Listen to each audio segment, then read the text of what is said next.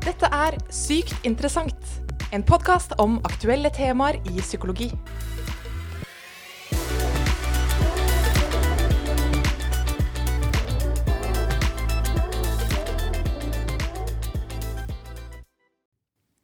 Hvem er du? Se for deg at du skal svare på det spørsmålet. Hvem er du egentlig? Det spørsmålet er vel kanskje litt vanskelig å svare på? Kanskje tenkte du på hva du heter? Du svarte med navnet ditt. Hvor gammel du er, hvor du er fra. Eller kanskje tenkte du på yrket ditt, om du er student, eller en bestemt jobb du har.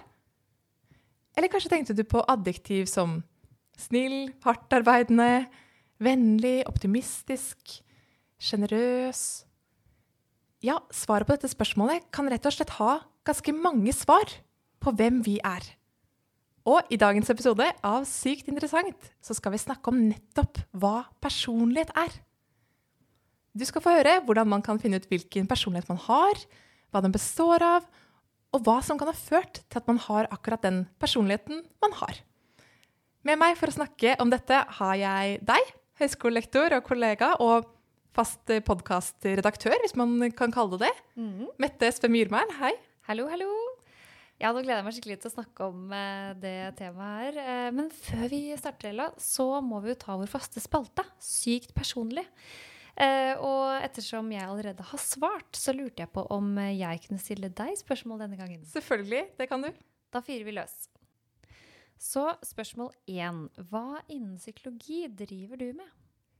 Jeg er høyskolelektor i psykologi. Og driver da særlig med kvalitativ forskning og sosial- og personlighetspsykologi. Og i tillegg så forsker jeg litt på opplevelser. Så akkurat nå så driver jeg og forsker på hvordan folk opplever koronasituasjonen og, og det å leve i, i, lockdown. Så spennende. Du har blitt forsker og faktisk gitt ut artikkel. Jeg må bare si det. Veldig, veldig takk, kult. takk. Det er veldig hyggelig. Mm. Spørsmål nummer to.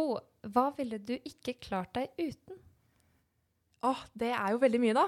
Men eh, nå som vi snakker om personlighet, så får jeg lyst til å si noe som kanskje kjennetegner litt min personlighet. Mm. Um, så jeg får lyst til å svare um, historier, kanskje. Sånn um, fortellinger på, på, TV, bøker, film, teater. Ja. Fordi jeg syns det er veldig gøy å flykte litt fra min egen hverdag og inn i andre personers fortellinger og historier. Så jeg vil si at jeg ville ikke klart meg helt uten det. Ok, spennende. Da, eh, da, får vi se da hva, hva, slags personlighetstrekk dette her er litt senere i, i podkasten. Kanskje lytterne liksom kan forstå litt uh, hvilket trekk dette her handler om. Mm. Så vi lar det henge ved der. Og så har vi et, spørsmål, et siste spørsmål. Har du tatt en personlighetstest før? Ja, det har jeg, og det er veldig gøy. Jeg har tatt selve den Big Five-testen, som vi skal snakke en del om i denne episoden. Mm. Og det er jo veldig gøy å lære litt mer om seg selv, om disse tendensene i personligheten. Så jeg syns det var gøy å, å, ta den testen og, og, se hva resultatene kan si. Ja, så enig. Jeg har faktisk tatt den, eh, jeg også. Den NeoPR, som den heter på Ja, på mm. psykologispråket. Ja. Og da har vi tatt vår faste spalte og kan sette i gang med dagens episode.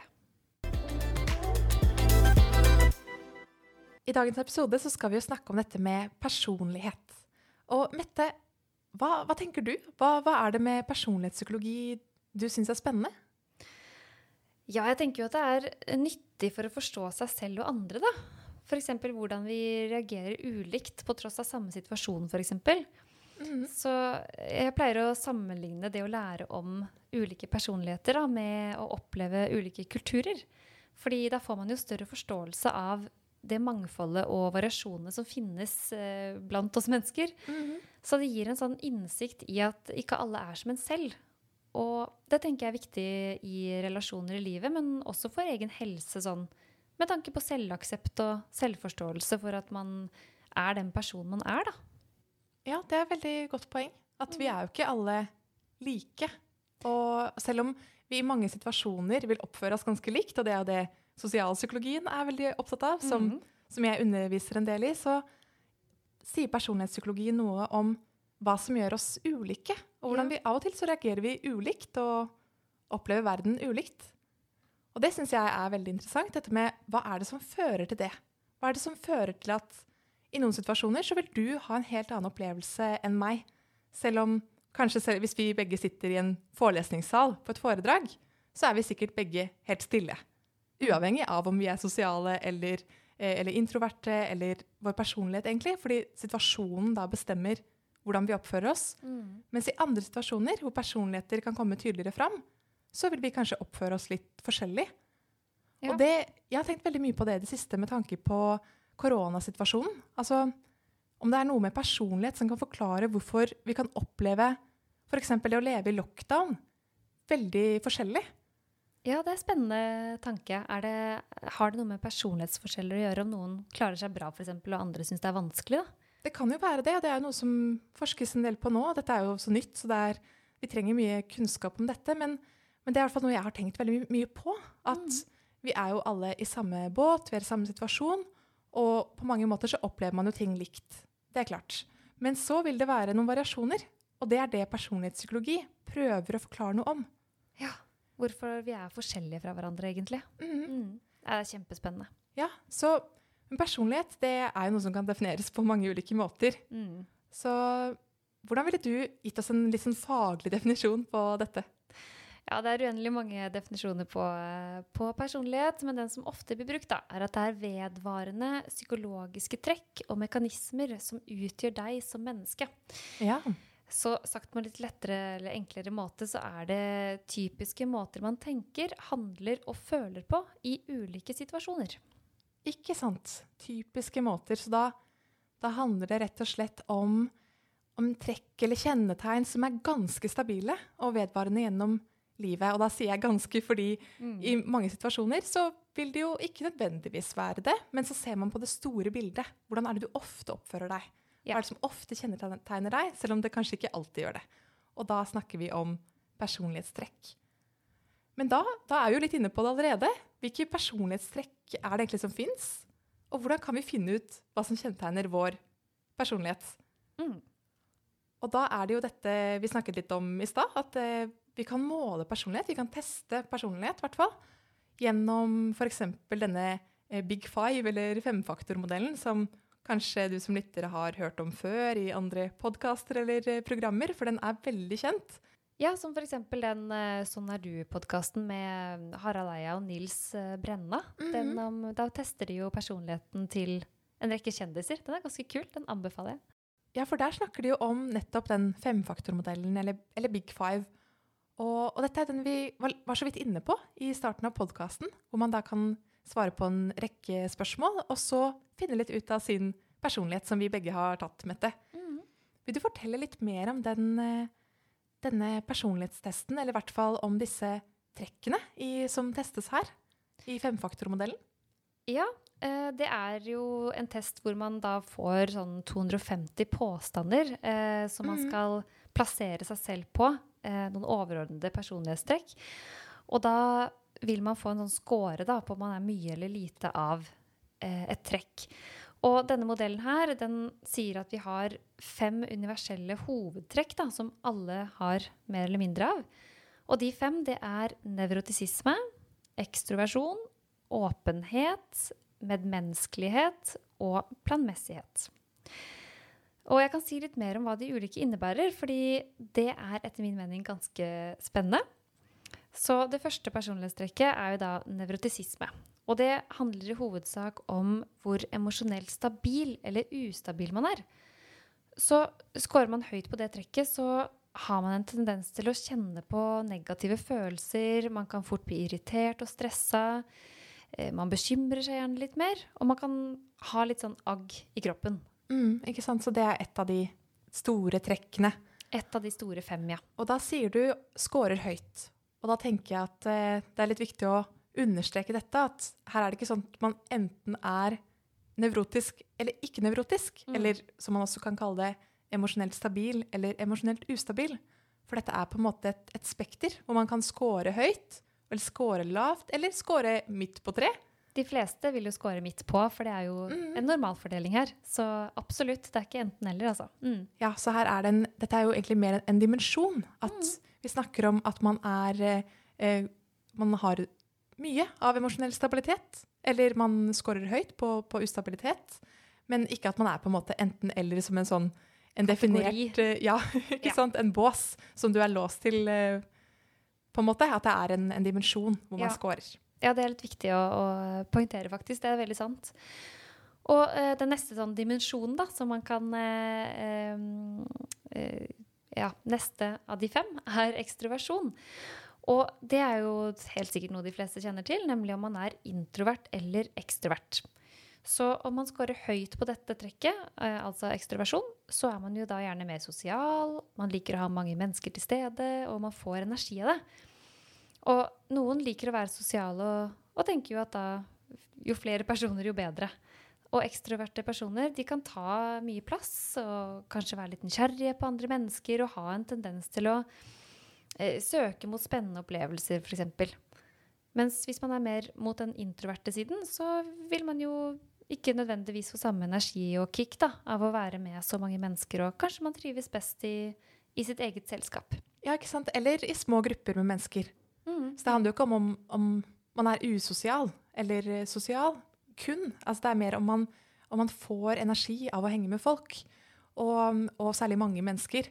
Så en person som vi, vi sier på en måte er introvert, men egentlig betyr jo det da score lavt på ekstroversjon. Mm. Så en som tenderer mer mot å være introvert, da, kan jo være veldig glad i å henge med folk, og, men vil gjerne ha litt færre av gangen.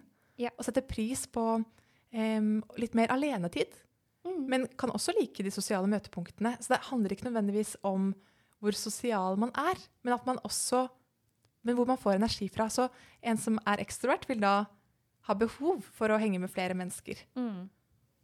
Ja, det er sant. Og en som er introvert, vil, vil ikke ha det samme behovet. Og da kom jeg bare på det du snakket om i stad, dette med hvem som ja, eh, hva skal jeg si, klarer seg best i, i eh, denne vanskelige situasjonen. Og nå skal man jo, Det fins forskjellig forskning på det, men eh, ja, introvert, ekstrovert Hvis man henter energi av å være med mange mennesker, så kan det jo kanskje være litt eh, vanskelig å være veldig ekstrovert i denne tiden her. Um, men ja, det er en annen diskusjon. Ja, det er, og det er en veldig spennende diskusjon som vi kanskje kunne sett på en annen gang. Men ja. det er i hvert fall noe å tenke på. At kanskje det kunne hatt noe å si for hvordan man takler å, å leve veldig sosialt isolert. Mm. Men eh, Ja. her er vi bare litt inne på eksempler, og ikke noe forskning her, altså. Nei, sant.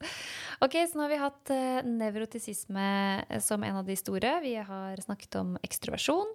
Og det neste er medmenneskelighet, eller omgjengelighet, som den også kalles, da. Det er litt sånn om man skal kalle det medmenneskelig eller omgjengelig. Men eh, det er iallfall nummer tre, og den innebærer hvor mye empati man har for andre. Om man på en måte gladelig gjør ting for andre, og hvor hensynsfull man er. Og rett og slett om man da møter folk med tillit eller litt sånn piggene ute. Ja, ikke sant? Og der handler det mye om hvorvidt man, eller om man på en måte eh, misliker konflikt og vil unngå konflikt. Så hvis man er veldig høy på medmenneskelighet, så kan man være ganske konfliktsky og heller vil at alle skal være venner. Hvis Ja. man tenker sånn, eh, Kanskje en ekstrovert tenker å, jo flere, jo bedre. Så tenker en som er veldig høy på, på medmenneskelighet, men kan ikke alle være venner? Kan vi ikke bare ha det fint? Jeg vet ikke om du kjenner igjen det trekket, eller? Jo, jeg gjør jo det. Og jeg skåret veldig høyt på det, på det trekket. Ja, det så Eller, ja, det ikke så glad i konflikt. Nei, samme her.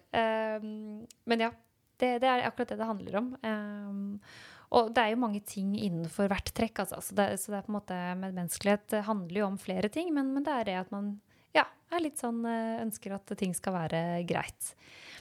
Og at man skal være, komme overens.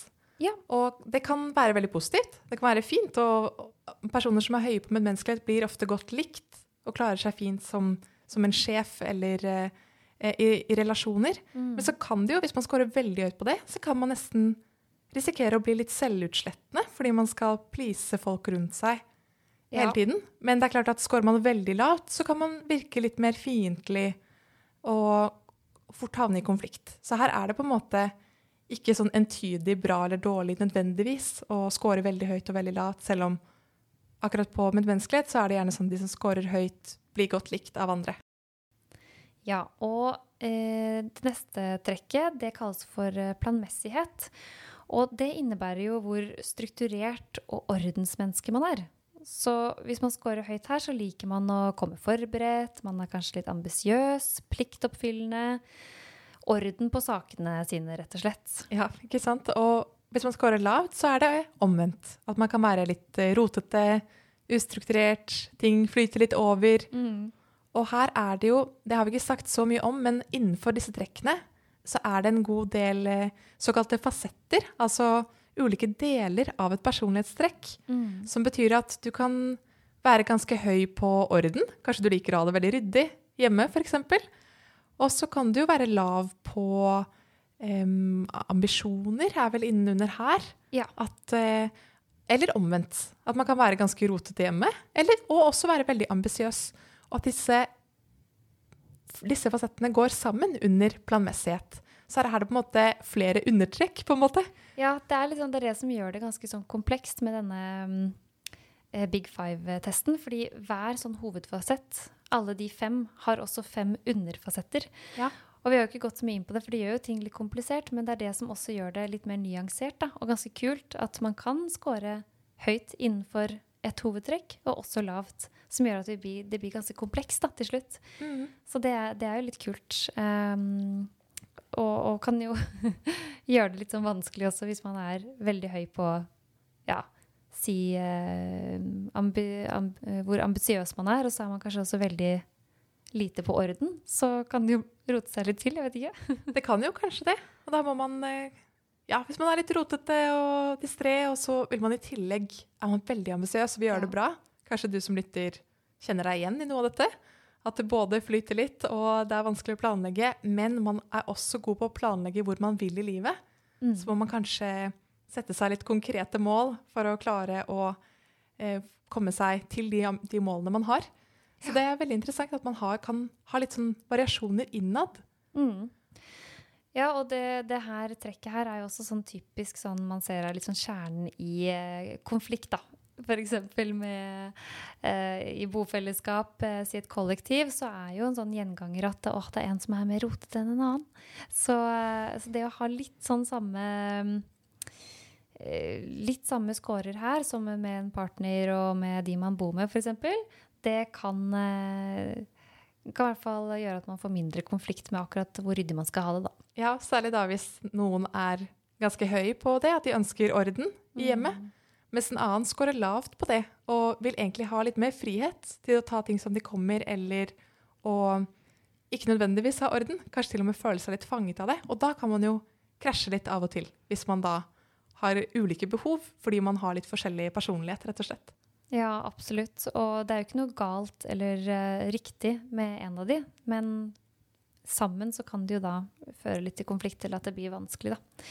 Så igjen, det er jo derfor det er spennende å lære om personlighet, fordi eh, da forstår man jo at man er forskjellig på disse tingene her, og da får man også kanskje litt mer forståelse for hverandre, da. Hvis det er litt Ja. sånn at du, jeg vet hva, jeg er veldig høy på orden, og du er veldig lav.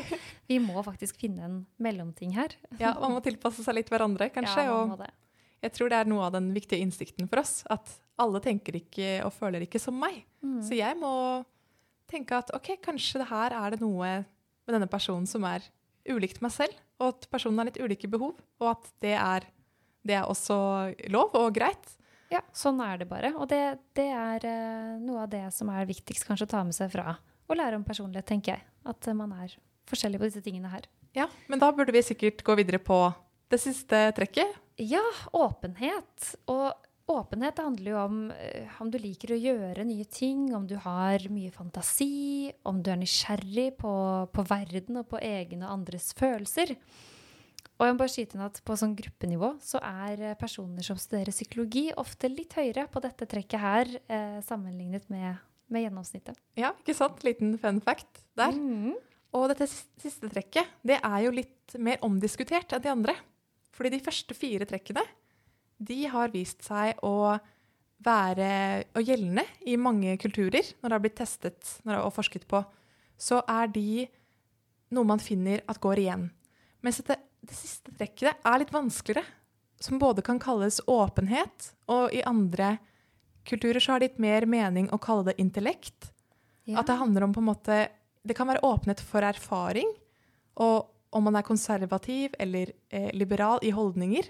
Om man er åpen for på en måte nye impulser og, eh, og hva man tenker Ja, rett og slett. Om man er Mm. åpen, åpen eller mer konservativ. Eller så er det også dette med å være intellektuell og fantasifull og kreativ.